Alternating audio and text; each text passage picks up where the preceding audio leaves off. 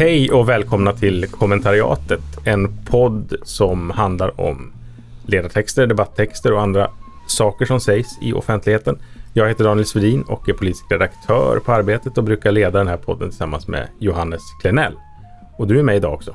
Ja, det stämmer. Jag är tillbaks efter ett eh, hyfsat långt uppehåll. Kanske liksom så värt att säga det att, att det var för att jag blev sjuk helt Mm. enkelt. Jag fick cancer och var tvungen att fixa med det i några månader. Eh, nu är jag klar med det. Då hade vi ingen på redaktionen som kunde trycka på play. Korrekt. Vi gjorde ju en liten smyg-comeback för ett par veckor sedan på Arbetets 100-årsfest. Eh, och då fick vi blodad tand. Då hade vi med oss på scenen Lotta Ilona Heirinen. Shalom. Nu eh, är du här igen. Jajamän. Så redak- alltså också fast i huset på redaktörer på Just. Nya Mitten. Som är Vet du, det där, det där är frågor man inte får ställa Nej. mig i valsportveckan. Det är- Eh, det det är är en jävligt bra sajt med jävligt bra texter. Gå in och läs. Jag har en kollega här också. Du heter Karina Kubisha. Det gör jag.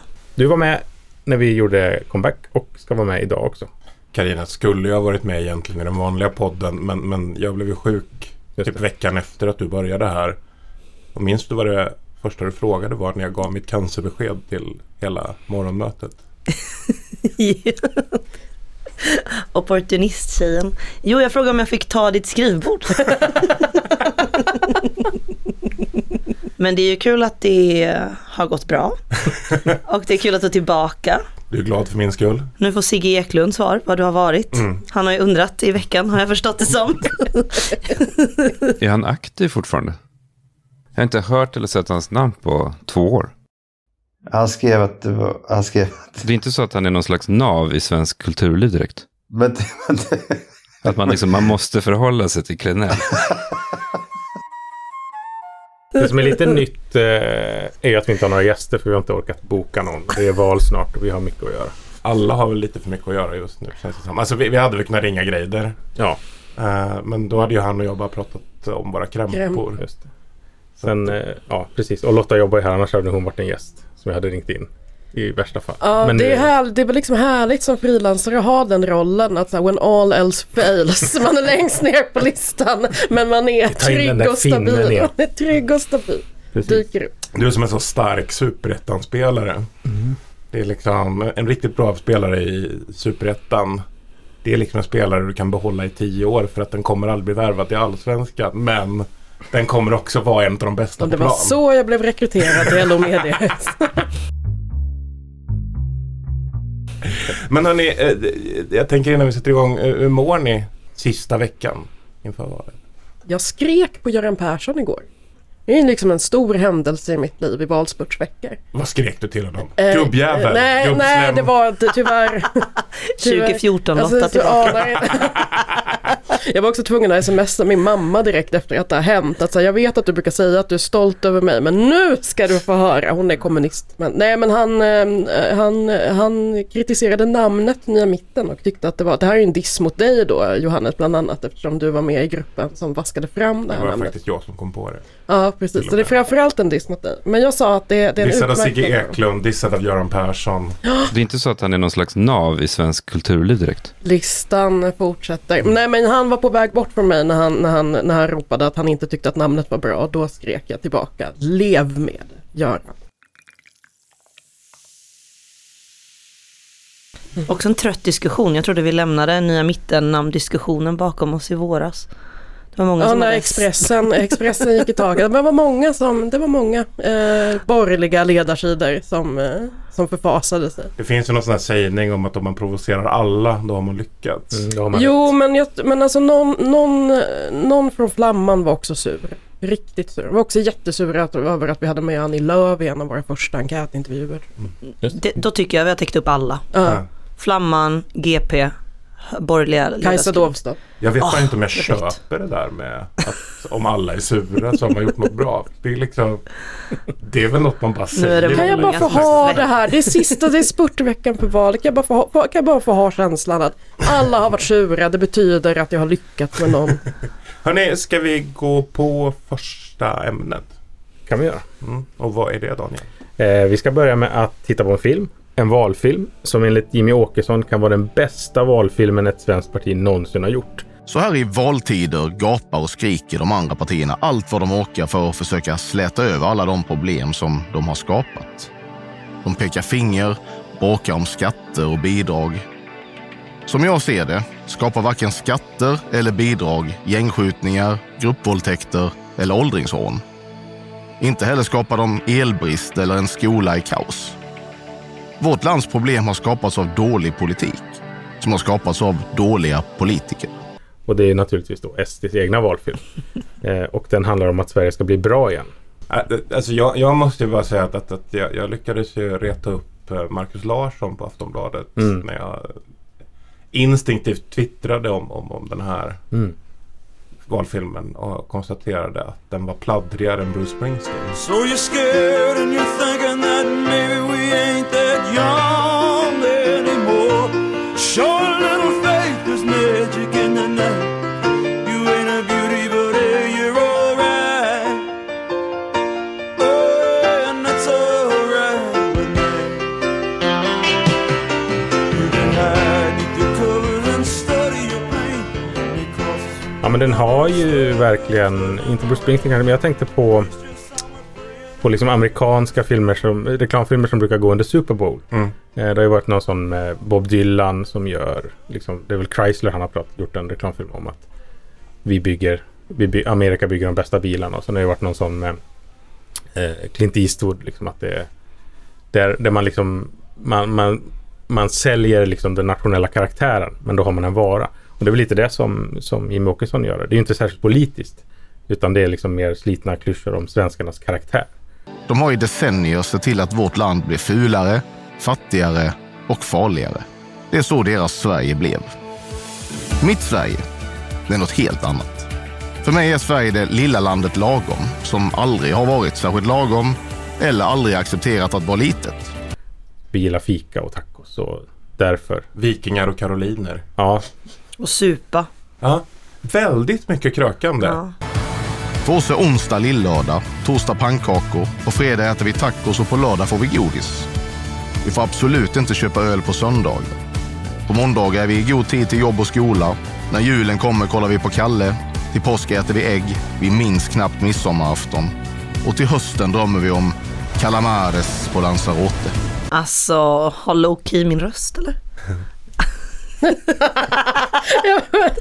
Jag Nej, det lät ändå Vi härligt. minns inte midsommar. Ja, vi minns inte midsommar tyckte jag ändå var starkt. Det var också en massa barn i filmen. det är också en, en scen, eh, jag har inte time-marken för den, som, det är någon dragkedja som dras upp. Mm. Är det en bröstkorg Jo men det var lite hångel. Jag, jag, jag reagerade också på den. Alltså att för, det, för, för den, liksom, den är väldigt inzoomad Mm. och det pågår. Och det är liksom i slow motion eh, Mm. rörelsen ner. Så att man liksom vad Jag genast, moders, mod, moder Sveas barm? Jag tänker Det är lite det här med att eh, man pratar om att det finns en hederskultur som håller folk borta från att visa upp sina kroppar väl. Det var väl det det anspelar på. Men när vi hade den här eh, liveshowen så pratade vi ju om, om eh, deras vallåt, eller SDUs vallåt. Våra Sverige som vi har och vill bevara En förändring måste ske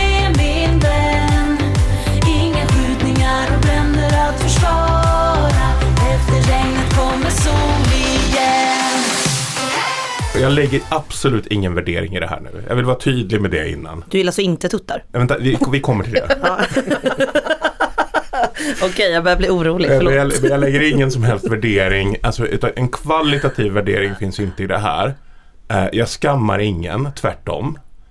Men det finns en musikalisk genre som kallas för bröstpop. Och, och STUs låt faller ju väldigt tydligt in inom genren bröstpop. Alltså vi har, vi har den här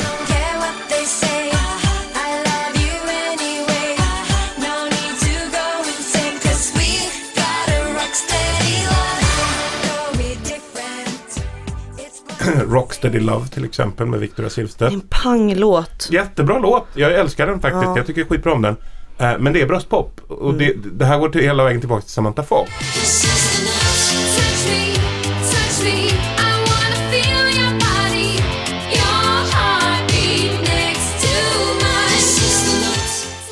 Och, och det finns liksom manliga artister som också lyckas göra bröstpop. Den här Friends in Need-låten, Alla vi.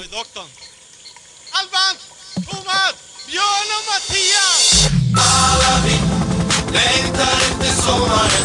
Alla vi längtar efter solingen. Uppenbar bröstpop. Alltså väldigt mycket. Liksom, det ska vara ett glatt diskodunk. Inte för intelligent. Och pattar. Men är det fornstora Sverige Sverigedemokraterna vill tillbaka till, alltså 90-talet? Alltså inte Det är ju nödvändigtvis. med vikingar och karoliner som sagt. Men det är också mer samtida man, man kanske tror. Alltså röven är ute sedan Mm. ett, två år tillbaka. Tillbaka kommer brösten, hjälps av den här TikTok-trenden av att man filmar sig själv framifrån och dansar. Men eh, ja, jag måste ju säga att jag tycker ändå att det piggar upp. Ja, nej, alltså, som sagt, jag lägger ingen som helst värdering i detta. Eh, ni kan inte fånga mig, Sverigedemokrater. Det är... Och då är väl kanske motsvarigheten Samantha Fox klibbor på typ bensintankar på mopeder i slutet av 80-talet, början på 90-talet. Nu har man stoppat sosseriet då. Ja. Men, men jag skulle också säga att det är ungefär, du, du prickar rätt i tiden när jag tror att Sverigedemokraterna upplevde att Sverige var som bäst. Det var när solstrålarna gick på tv på morgonen och man hade Samantha Fox på väggen. Egentligen före min tid. Just det. Minns du den här tiden i din Eh. barndom Daniel? Nej, men jag, har ju, jag är ju också alltså, Sveriges yngsta 60-talist. Så att jag, jag minns det ändå. Vad tycker du om bröst? Eh, Pattar vi minns med Svedin och Klenell.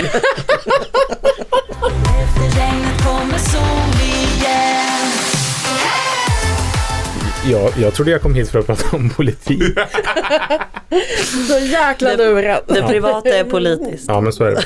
Nej, men det, det är ju något i den här... Så om, om jag liksom får vara the token sosse då här lite grann. Det finns ju något i den här texten. Jag, jag, jag blev faktiskt lite rörd när jag tittade på den här filmen. Måste jag erkänna. När han börjar prata om... Sverige är byggt av slit, krut och sot. Av stål, svett och brutna ryggar. Det är Lill-lördag. Nja, Att inte minnas Tack. midsommarafton. Tack och Fan vad fina onsdagar vi har haft. Pannkakstorsdag. nej, nej, men alltså det som... Det har jag verkligen avslöjat mig själv som den liksom, extremt gråsossiga, gråsossiga. När han pratar om så här. I det här landet så har vi gruvor och bryter malm och gör stål och flygplan. Då. Då, då kände jag så här, ja, det här. Varför har inte sossarna det här tilltalet i det här valet? Ehm, så han, han är, det, återigen då kopplat till den här liksom, eh, Super Bowl-retoriken. Som handlar om där man liksom gör, har gjort politiska budskap ganska länge. Mm. Eh, och liksom Zlatans Volvo-film och liksom det här där, där svenskhet och, ja, eller liksom nationen, produkten, alltså stål och, stål och kol eh, och liksom nationskaraktären vävs ihop. Det har ju liksom varit det socialdemokratiska väldigt. Äktenskapet mellan socialdemokrati och centerpartism helt enkelt. Ja, eller liksom äktenskapet mellan eh, svenskhet, socialdemokrati och liksom näringslivet. Eh, det har ju varit liksom det starka argumentet. Eller åtminstone så som Socialdemokraterna ofta har presenterat sig själva. Mm. Att de, de är liksom, ja, det går att sätta likhetstecken mellan svenskhet och socialdemokrati och svenskhet och liksom allt, allt som görs i Sverige som är bra är på grund av Socialdemokraterna. Det är väl lite den grejen som Jimmie Åkesson är inne och försöker claima nu. Att här, eh, vi är liksom arvtagare till det här. Allt som ni tycker är bra, kröka på midsommarafton. Eh, SSAB, det kommer vi försvara och stå för. Och vikingar, karoliner och Näcken. Man saknar ingenting. Jo men det gör man. Jag har faktiskt, jag gjorde en liten lista. Och saker du saknar. saker jag saknar. Som, som redaktionens folklivsforskare. Pris vid pump, nej. nej, nej, nej men mer så här, i, och, i och med att man hade med både Näcken och, och älvor, eh, liksom när de gick över till de här mytiska, mytiska elementen så har jag, jag har skrivit lite vilka de hade kunnat ta med men som de valde Mylingen. bort. Absolut, den är med. Jag har schuldror, skogsrån, jultomte, hustomte, gårdstomte, troll, svartalver, vittror, vättar, alla Astrid Lindgren-figurer från Ronja Rövardotter, mylningar, maror, gastar, strandvaskare, bortbytingar och kraken. Bortbytingar. Jag sitter här och känner mig osvenskare än på länge faktiskt. Va, eh, varför det? För att, För att jag känner till en tredjedel av de här figurerna som Lotta räknar upp. Fast mylingen och bortbytingen är väl nästan samma? Nej, nej, gud, nej, absolut inte en bortbyting. Nu ska du få höra, Klenell. Tack så lite. En bortbyting är alltså när ett troll byter ut ett mänskligt barn mot sin egen avkomma. Gärna hos liksom ett, en rikemansfamilj. Så man kommer och tar ditt barn, byter ut det med ett trollbarn och sen så luras du till att uppfostra den här ungen som din egen. Men en myling är alltså spöket efter ett spädbarn som har dött och inte blivit kristnat. En, en sorts abort kan man säga. Varsågoda för, för kunskap. Nej, men Mylingen det kan ju bli lite för känsligt då en valrörelse där man inte vill prata om abortfrågorna från höger. Troll är ju med i valrörelsen ändå. Trollfabriker. Ja. Nej men det är topical, det hade de kunnat. Verkligen. Det är väldigt oklart om inte någon av personerna i filmen jobbar som troll. Alltså det, är- Ja det är sant, det kanske var med. det är faktiskt ett hederligt arbete nu för tiden. Ja. Har de kollektivavtal? det som bryter illusionen för mig i den här, liksom, och återkopplat till det- jag, när jag sitter och gråter och tittar på SD-filmen, är ju när de har den här grillfesten eller vad det är. Eh, och man ser att de har stoppat sosseriet-tröjorna på sig. Att man har liksom byggt upp en helt apolitisk stämning om att här, det är bara gött i Sverige. Och sen sitter det sådana här jävla torgmötesdårar och dricker mellanöl. Då, då är inte jag med längre. Men vad är det för politiskt budskap de har egentligen? Nej, Att det var dåligt förut. Bra det- förut. Ja, bra, bra förut. Och nu, då, det, var, det var bra förut. Sen blev det dåligt ett tag. Under hundra år kanske. Mer, mindre. Men nu ska det bli bra igen. Men hela filmen inleds väl med en sågning av eh, socialdemokrater och miljöpartister. Precis. Det inleds ju att han talar om det gamla fula sosse-Sverige som dåliga politiker med dålig politik har liksom skapat. Och då står han där och ser ledsen ut i ett betonghus i... Det är så folk gormar om bidrag och skatter. Men Fula egentligen- hus. Ja, Mm. Jag fattar inte riktigt hur de ska göra något åt det. Men, men det kanske de kan. riva skit. Riv Hjulsta. Riv, riva hela Jär- Järvafältet är väl, är väl endgame tänker jag. Men vad ska de bygga istället? Röda stugor med vita knutar eller? Du, du skriver ju om återvandring idag. Det är väl, kommer väl lösa sig självt. Befolkningen kommer minskat med 20 procent. Så man har plats med alla röda villor. Ja, eller det behövs inget. Det behövs inga nya hus. Det behövs mindre hus. Det roligt i den här filmen är ju vändningen när han står och ser jätteledsen ut i Hjulsta. Som ligger i närheten av där Lotta bor. Lotta Ja, är ju, reppar ju det riktiga Västerort. eh, och sen så kommer liksom vändningen när det blir solsken igen. Och då glider liksom tunnelbanetåget åker förbi Stora Mossen i Bromma. Ganska Där jag nära. bor. Ja. Ganska nära. är vi, normbrytande hel- opinionshubben på, Hel, på hela, El hela spännvidden mellan det dåliga, jag, du som är bra, Karin. Ändå härligt. Men som sagt, med lite normkritik. I och för sig, du är ju finne.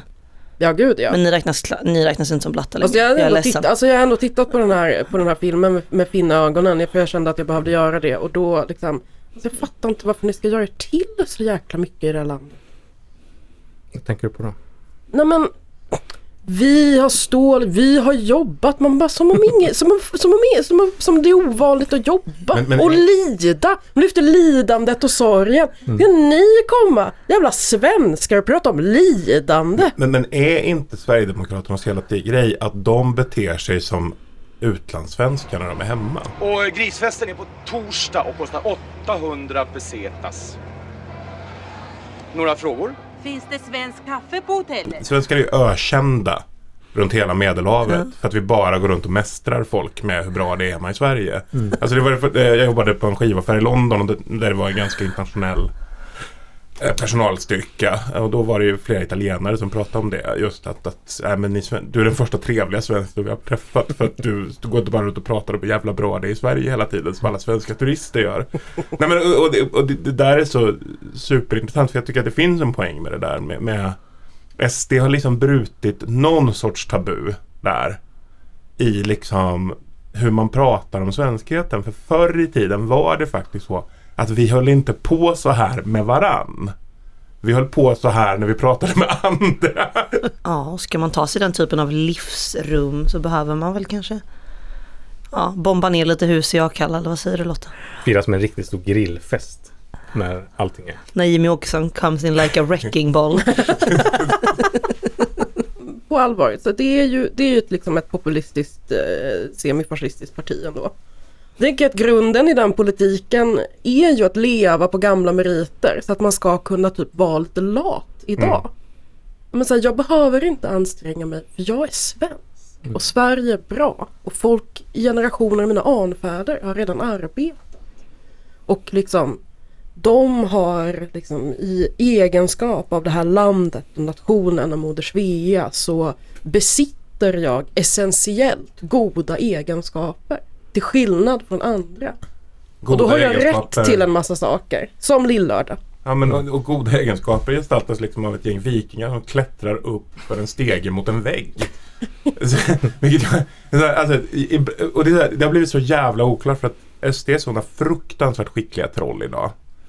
Att jag aldrig riktigt vet när de trollar och när det är på riktigt. Alltså, för, för ibland så är det liksom som att de gör sig till och liksom lajvar den där lilla publikscenen längst fram när det är Allsång på Skansen som blir helt extatiska när de ser Carola på scenen. Mm. Eh, men i, i, och ibland så tror jag faktiskt att de är den, den, den, den, där, den där fullständiga idiotin. Liksom. Mm. Jag, jag vet inte längre. Alltså, så när, när jag ser de där vikingarna klättra upp mot sina sköldar på en vägg så fattar inte jag. Hur pratade de ens innan de spelade in det där fotot? Hur pratade de innan de liksom så här filmade ett gäng killar i karolineruniform? Vad, vad, vad tänkte de när de åkte upp på ett fjäll med Jimmy Åkesson för att han skulle sitta i vit skjorta och titta ut över liksom... Han står i många landskap. Ja. Nej men det måste ha tagit så fruktansvärt mycket tid och energi att bara skeppa runt Jimmy Åkesson till alla de här miljöerna. där han ska gå runt. Jag fattar inte. Hur, hur har man så mycket tid och vad är det man... Jag blir tokig på det. Ja, Men jag tror verkligen att de har gått vilse i på något sätt i, i trollningar på något sätt. Jag tänkte på den, den här, det var förra veckan det kom ut, den här tjänstemannen på Sverigedemokraternas riksdagskansli som hade bjudit, bjudit in till fika för att uppmärksamma Nazitysklands eh, angrepp på Polen 1939. Det finns ju någonting... Osvenskt. Gott. Mycket os- men det finns ju någonting i det där som också finns hos liksom den extrema vänstern tänker jag. Att så här, ni tror att vi är stalinister. Därför tänker jag ha en Stalin-poster på väggen. För att liksom chocka. Att det finns, ja, men det, jag vill vara farlig. Eh, impulsen finns. Eh, och så här, ni, ni tror massa saker om mig, därför ska jag spela det. Och till slut så går man vilse i sina egna ironier med sig själv. Och så blir det liksom brevet som bara var eh, ämnat för dina kollegor där du skrev att du ska uppmärksamma Nazitysklands angrepp på Polen kommer ut på Aftonbladet och ingen kommer förstå din smarta, roliga humor som är oerhört intern. Mm. Eh, och lite ja, jag, jag tror att de är liksom där någonstans, Sverigedemokraterna. Så här, folk tycker ju att vi, vi eh, älskar eh, Gustav III och eh, Karl XII och vikingar. Därför ska vi ha med det i reklamfilmen. För att här, se om någon hugger på det. För allt ni, ja, men att de är vilse i sina egna ironier på något sätt och i sina egna liksom, undertexter och konstigheter. Och det finns ju ganska många människor som tycker att det är lite gött med den typen av så här fornnordisk mytologi, gos. Jo. Det säljs ju fortfarande ganska mycket av de här knasiga tröjorna på Gamla stan. Visst. Folk går ju helt oironiskt runt med dem. Ganska många ställen. Visst, Jag och tänker också att man vill ha den här Mycket stort spel. reaktiva tourettesen. Man ska inte knyta näven i fickan. Man ska reagera med reptilhjärnan med allt som har med politik eller samhälle att göra. Och så ska de bara uppmuntra till det. Är du arg? Ja men slå dig på bröstet, skrik, ta på dig en vikingahjälm och klättra upp för en vägg typ. Du ska inte hålla på och försöka lösa vårdkrisen i regionerna. Du ska bara vara arg. Tror du vikingarna organiserar sig fackligt eller? De Loser. Jag undrar hur De deras plundrar. NPM såg ut. Hade de konsulter från Boston Consulting Group? Pladdrig skitfilm. Skulle jag vilja summera det här som. Alltså det är något märkligt i de här musikvalen de gör också. Det är någon sorts här The Edge U2-gitarr som liksom går.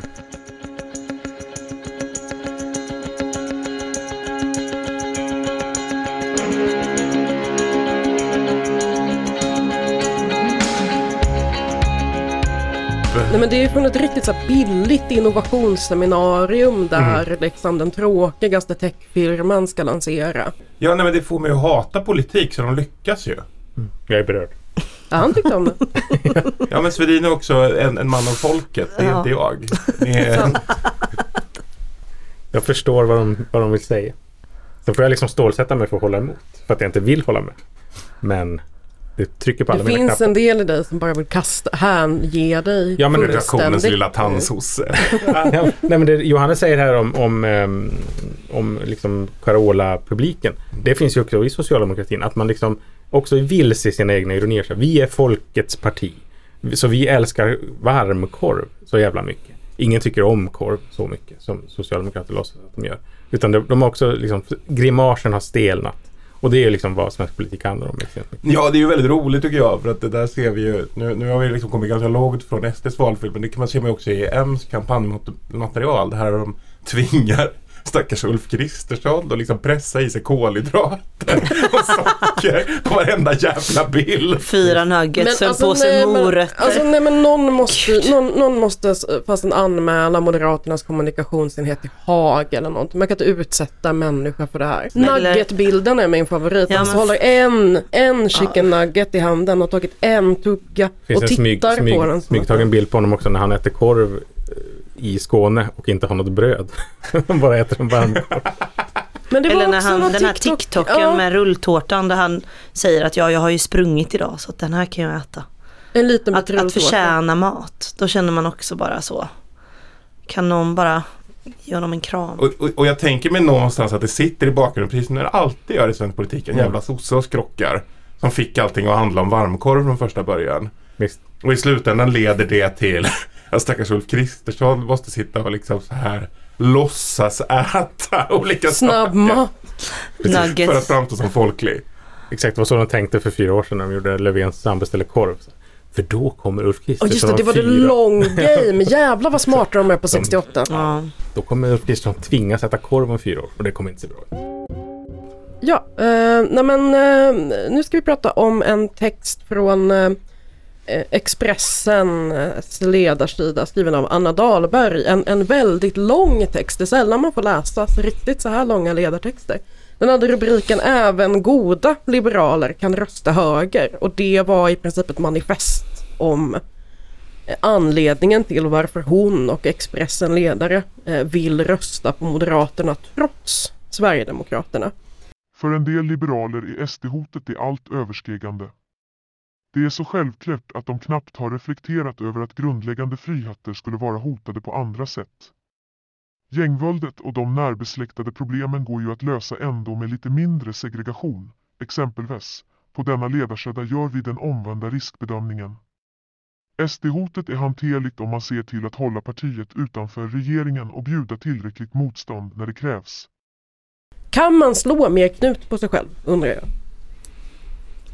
Jag vet inte, jag tyckte ju att det fanns något här för att det var det- det fanns en vibe i den här texten av eh, kvinnor som är rädda för mena mäns Sex and the City. alltså att det är så här, det är ett gäng härliga tjejer som är välutbildade och har fina jobb som liksom går och funderar lite på kan man verkligen slänga över sin röst på Moderaterna om det ska vara en god människa. I started to wonder, and I wondered, which led me to wonder. I had to wonder. I started to wonder. I couldn't help but wonder. I couldn't help but wonder. I couldn't help but De wonder. får det framstå som väldigt urbant som går och klurar på den här lilla tanken. Liksom. Det, är, det är innerstad, det är Östermalm, det kanske är en, en härlig utekväll på Rish. Där man bara slänger fram frågan. Kastar ut den vid bordet. Liksom. Så att det är liksom Slår hon knut på sig själv? Ja! För guds skull. Eh, blir det ganska underhållande? Ja, det blir det faktiskt. Men målgruppen är, är klar liksom med klackskorna och Prada-väskan. Ja. Ja, nej men den är väl, det är väl, det här är ju egentligen också den liksom, folkpartistiska snedstreck liberala argumentationen för att sätta sig i, eller stötta Ulf Kristersson som, som statsminister. Det är väl det här att risk, det är, det risken med att ta in SD i båten är mindre än risken att låta bli. Argumentet är ju också eh, lite liksom, genomgående i texten att så här, om vi inte släpper in SD nu Mm. då kommer de ta över helt Mm. 2026. Det är ju en, en väldigt spännande walkover. Eh, Liksom ett spännande walkover-sätt att se på saker och ting. Och också lite socialdemokratiskt, är det inte det?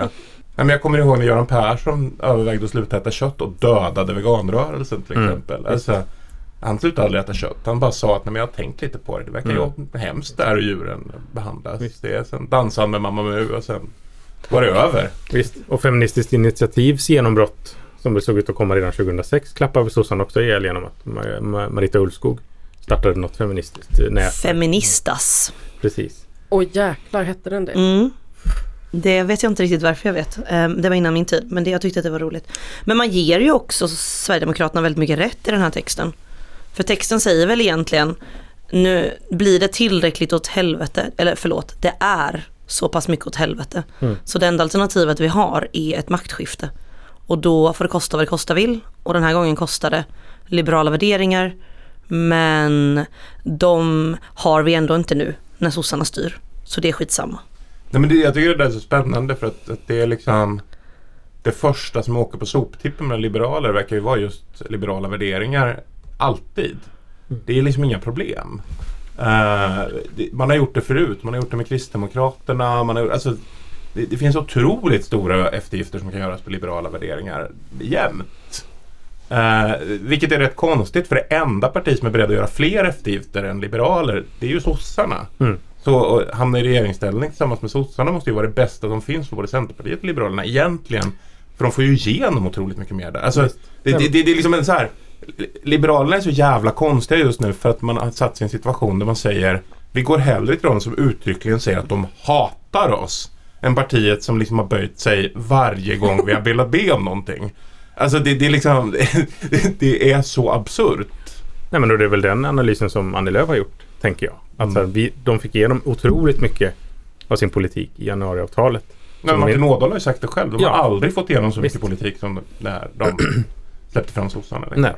Och eh, det gäller ju också eh, Liberalerna såklart. Sen är det väl så här, skolpolitiken kanske de inte fick igenom tillräckligt mycket som de hade velat. Men, eh, nej, men så det är verkligen en poäng där. Det är oerhört märkligt. Men jag tror att det är väl socialt också. Alltså att liberaler vill vara kompisar med eh, Moderaterna mycket hellre än de vill vara kompisar med Socialdemokraterna. Det är ju liksom en generationer av borgerliga politiker som har liksom fostrats i att, man ska, att det finns en borgerlighet eller en höger som liksom hänger ihop och som är kompisar på ett sätt som man till vänster aldrig har gjort. Det finns liksom ingen samordning. Eller att liksom, Timbro har de här utbildningarna för Ja, vi har ingen Sture-akademi i Nej, arbetarrörelsen. Och, och liksom att, vi har ledarskriv.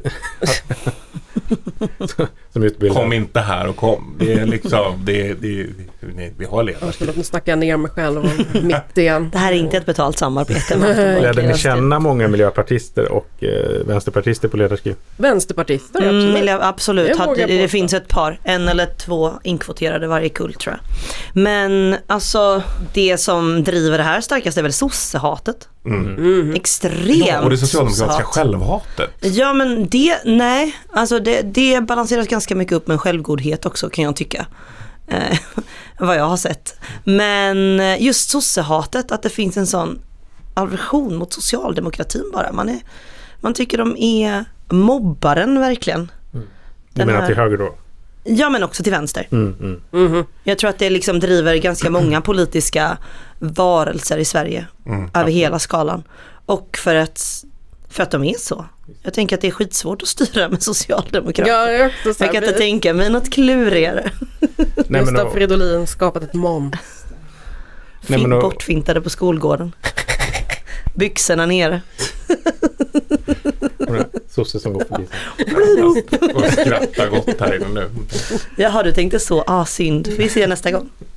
Nej men det som eh, är liksom borgerlighetens och den gamla högerns liksom samlande grej är väl just det här sossehatet på någonstans och att man alla är överens om att man vill sänka, äh, sänka skatterna. Det har liksom varit det överordnade. Och sossehatet är väl också egentligen hatet mot fackföreningsrörelsen, den organiserade arbetarklassen. är ju det som är väldigt starkt. Med det sagt har man ju fått, fått igenom ganska mycket av sin skattesänkarpolitik och Absolut. sin liksom, marknaliseringspolitik och så vidare. Ja, nej men det, det, det där är så otroligt intressant. Men, men det är också, det, det där är ju...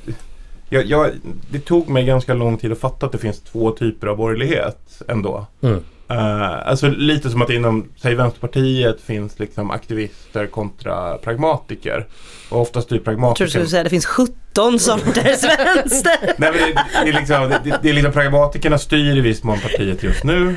Och då ser det ut på ett visst sätt. Men du har också aktivistgruppen och den är väldigt viktig. Eh, du kanske inte når ett jättestort väljarstöd om, du, om den gruppen styr. Men de når en viss väl, typ av väljare som inte en pragmatiker gör.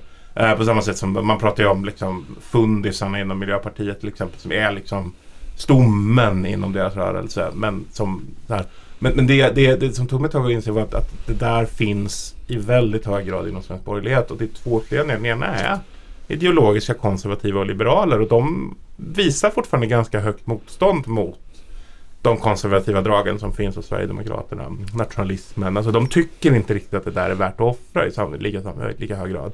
Där har konflikten också varit som ett öppet sår inom borgerligheten i, i tio år snart. Liksom. Och jäklar vad de behöver en kram Mm. allihop. Mm, Ja, de kämpar på i lokalpolitiken. Sen har man den andra falangen och den är väldigt påeldad av Svenskt Näringsliv också. Och det, vilket skiljer det från vänstern där vi inte hejar på våra aktivister på riktigt samma sätt. Liksom. Eh, och det är en falang som egentligen, deras, hela deras drivkraft är att de vill se socialdemokratin och LO brinna i helvetet. Så de är beredda att liksom skeppa vilka jävla liksom, fina värderingar i världen bara åt helvete. Det borde också ge sossarna lite mer vänsterclout än vad man faktiskt får. Kan jag tycka. För jag tycker väldigt många så, sossarna så höger, lalala. Jag bara, men vilka är det högern är som argas på? Det är ändå sossarna. Jo, men nu är vi tillbaka på det där. Är det poängen att alla ska vara arga på en? Nej, men alltså jag kan tycka att det finns ibland en, eh, liksom en, en lite väl så här, okritiserad bild av att så, det här är ett högerparti nu. Det, är den, det enda alternativet till vänster är det här. Eh, Det finns en, en till liten, det här är då Anna Dahlbergs eh, räddning. Eh, eller, eller det hon hoppas att Ulf Kristersson ska göra för att liksom ro hem det här i slutändan. För hon, är, hon, är, hon måste ju ändå erkänna att SD, SD är ett problem. Hon spelar ju inte ner det på det sättet. Hon ordnar liksom om, bara om principerna att så här, det är värt det. Självfallet finns det också risker med att ge SD ett stort inflytande över politiken. Det kan exempelvis spridas en känsla av otrygghet bland nysvenskar och av att främlingsfientligheten ges ett slags politisk legitimitet. Den farhågan måste tas på största allvar. Om Ulf Kristersson blir Sveriges nästa statsminister bör han genast gå ut med ett inkluderande budskap där han särskilt vänder sig till alla svenskar med utländsk bakgrund. Ett litet personligt brev eller? Jag ser fram emot att läsa. Ja, men vad jag undrar om jag tror kommer ni- få det översatt på spanska hem i min brevlåda. Det är liksom det nya Jehovas vittnen. Hola como estás, mi, mi amo Ulf Kristersson. Vad, vad tror, men vad tror ni Ulf Kristersson kommer, kommer, kommer säga i sitt eh, stora tal till invandrarna? Jo. YOLO. Jag tror han kommer uppmana till urringningar, lillördagar, stökiga midsommarfiranden, pattpop, Nu är du inne på allt jasplan. Om ni bara in, eh, väljer att integrera Ja. så kommer det här gå jättebra.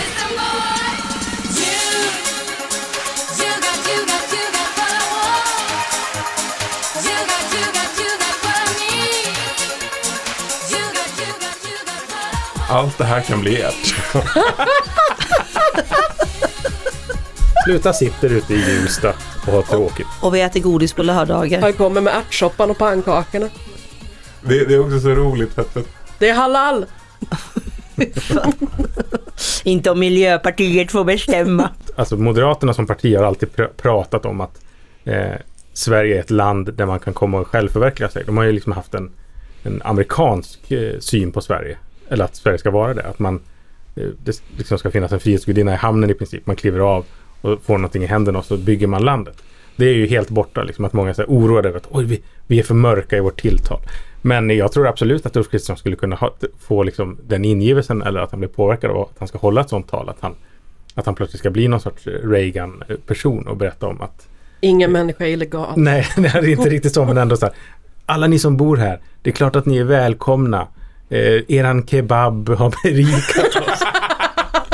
alltså hotet mot eh, invandrarna i det här landet, det är ju inte, det är inte jag eller eh, Jimmie Åkesson, utan det är ju LO som vill skicka hem den här thailändska städerskan. Något sånt skulle han ju kunna göra. ja, det görs ju hela tiden. Ja, precis, men han om, omfamnar det ännu, ännu tydligare. LO är de riktiga rasisterna. Exakt. Det det är ju eh, en prata som har pågått ganska länge. Absolut. Och Märta Stenevi var också den riktiga rasisten. Såg att Robert Hanna, den olyckan Liberalerna, tyckte. Just det, det var välvillig. Ja men det skulle han kanske kunna prata om. Välviljans rasism. Ja, exakt. De låga förväntningarna. En av de stora händelserna den här valrörelsen är ju att rekvisitan är tillbaka i debatterna. Gustav Fridolins kolbit från valrörelsen 2014 har blivit Ebba Busch falukorv. Hon har deltagit på flera debatter och torgmöten där hon har haft en falukorvsring i handen och viftat med. Men, men, men är, det, är det samma falukorv hon använder varje gång? Hoppas inte det. Hon, jag såg att hon gav bort den vid något torgmöte en gång. Så efter det, men då kan det ha varit samma som hon hade haft i kanske en veckas tid. Gav till en pressis. här får du.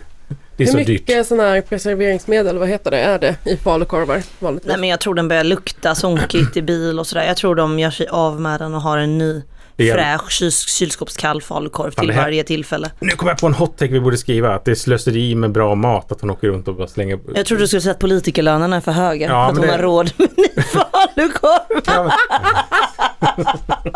Vad, vad, en hot, Nej, vad är hot? jag hoppades på ett populistiskt utspel från. Ja exakt, alltså, det är sånt, det är sån arro, eh, liksom, eh, etablissemangets arrogans. Bra mat som kan föda en hel familj. Det tar hon upp på, en, på någon torgmöte och viftar med och så slänger hon bara bort det och köper nytt. Det är som slit och släng mentalitet som bara liksom den extrema överklassen i Sverige kan unna sig. Ni skulle Skriv- veta kära lyssnare den det är så här det den ser ut när Daniel Svedin får feeling. Fy fan! Men det är ju, man ser ju, eh, man ser ju liksom eh, Johan Ingerö sitta som Mr Burns i bakgrunden den här korven åker runt land och rike. Behöver vi förklara vem han, Han är är? ju policychef för Kristdemokraterna. Det är, det är liksom the grand spin Kandiderar även till riksdagen i år. Ja det gör han. han. Han brukar ses i media lite då och då iklädd eh, cowboyhatt och hårdrockströja. Men eh, King. Han är väl liksom mannen som får sum, liksom, summera det som jag brukar kalla för utspelsskägg. Alltså så här i slutet på valrörelsen så kommer det utspel på utspel på utspel. oh ja. Gärna från en man som börjar se lite sliten och medtagen ut. Jimmy Åkesson är ju typexemplet. Liksom. Hålla en presskonferens bara för att berätta att sossarna egentligen är jättetaskiga. Eh, där man egentligen inte har någonting nytt att säga överhuvudtaget. Och skägget är där. Men Ingerö har ett riktigt, riktigt bra utspelsskägg just nu. Och han, han, alltså, han har ju egentligen gjort valrörelsens absolut bästa utspel också. Mm. När han blev arg över att någon hade jämfört Ebba Busch med Baywatch och Pamela Anderson. För att hon hade haft ett rött linne på sig under ett möte med strandvakter i, var det Tylösand. Tylösand? Precis. Ett, en koppling som är helt självklar att man gör i ett sånt Det läge. såg liksom. ju ut som en Ja, direkt på alla under sätt en och vit skjorta. Eh, där han då rasar mot sexismen i att säga det här om Ebba och förnekar att hon överhuvudtaget har haft på sig ett rött linne. Och det- det är helt otroligt. Det är Men val- det här är ju utstuderat. Ja. Alltså det här är ju deras strategi. Så är det ju med falukorven också. Och det är det som är, det är, det som är snillrikt. Liksom. Att alla de här utspelen är ju liksom byggda för att få typ ledarskribenter på Aftonbladet ledarsida att liksom flåsa lite och då anklaga vänstern för sexism och om hur onda vi är mot Ebba Busch. Det säger att Alex Schulman gick ju i den här fällan rakt av. Man hör verkligen flåset i hans krönika som var i Dagens Nyheter. Jag vill bara citera en liten, liten del. Jag tar häpet del av bilderna från partiledardebatten. Ser jag rätt? Jo, visst är det en falukorv KDS ledare står och viftar med. En sån där falukorv modell större. En ring av kött runt Ebbas utsträckta hand. Modell större, det är en vanlig falukorv. Det här är ju gjort för att folk ska dra fäbodjäntan skämt. Ja, om man vänder på det så finns det ju en poäng där. Som är att det var väl inte någon som bara den där kolbiten, den har Gustaf Fridolin kört upp i röven. det är liksom, liksom Eller, eller. som sa så överhuvudtaget. Men det finns ju ingen sån kulturell referens att dra det till heller. Nej, precis. Den här, alltså fäbodjäntan är ju ändå Jag skulle säga att alla som är över 30 har koll på vad det här är, inte alla, men väldigt många vet ju. Och det är väl klart att man kan höhöa lite åt Sjukt det. att inte fäbodjäntan var med i SD-filmen. Den bara flimrar förbi. Jag har faktiskt hållit i kolbiten. Jag tror... Jag. Vägt in. Ja, det, Hur kändes det? den var inte så imponerande. Var den grov? Ja, den var rätt grov. Det är, alltså, det, det är klart, alltså, det är ju inte omöjligt att göra associationer utav kolbiten. Alltså den är ju avlång. Nej, nej, jag är igång. Alltså, Ja. jag, jag, är, jag är igång. In the zone.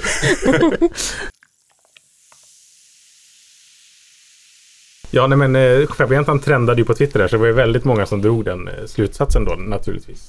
Och det var meningen. Ja, det och. Johan Ingras våta dröm är att Jonna Sima på Aftonbladet ska skriva en krönika om fäbodjäntan och falukorven. Ja. Hur kan ni tänka så äckligt om, om Ebba? Jag vet inte om de symboliserar allt som är fint i Sverige.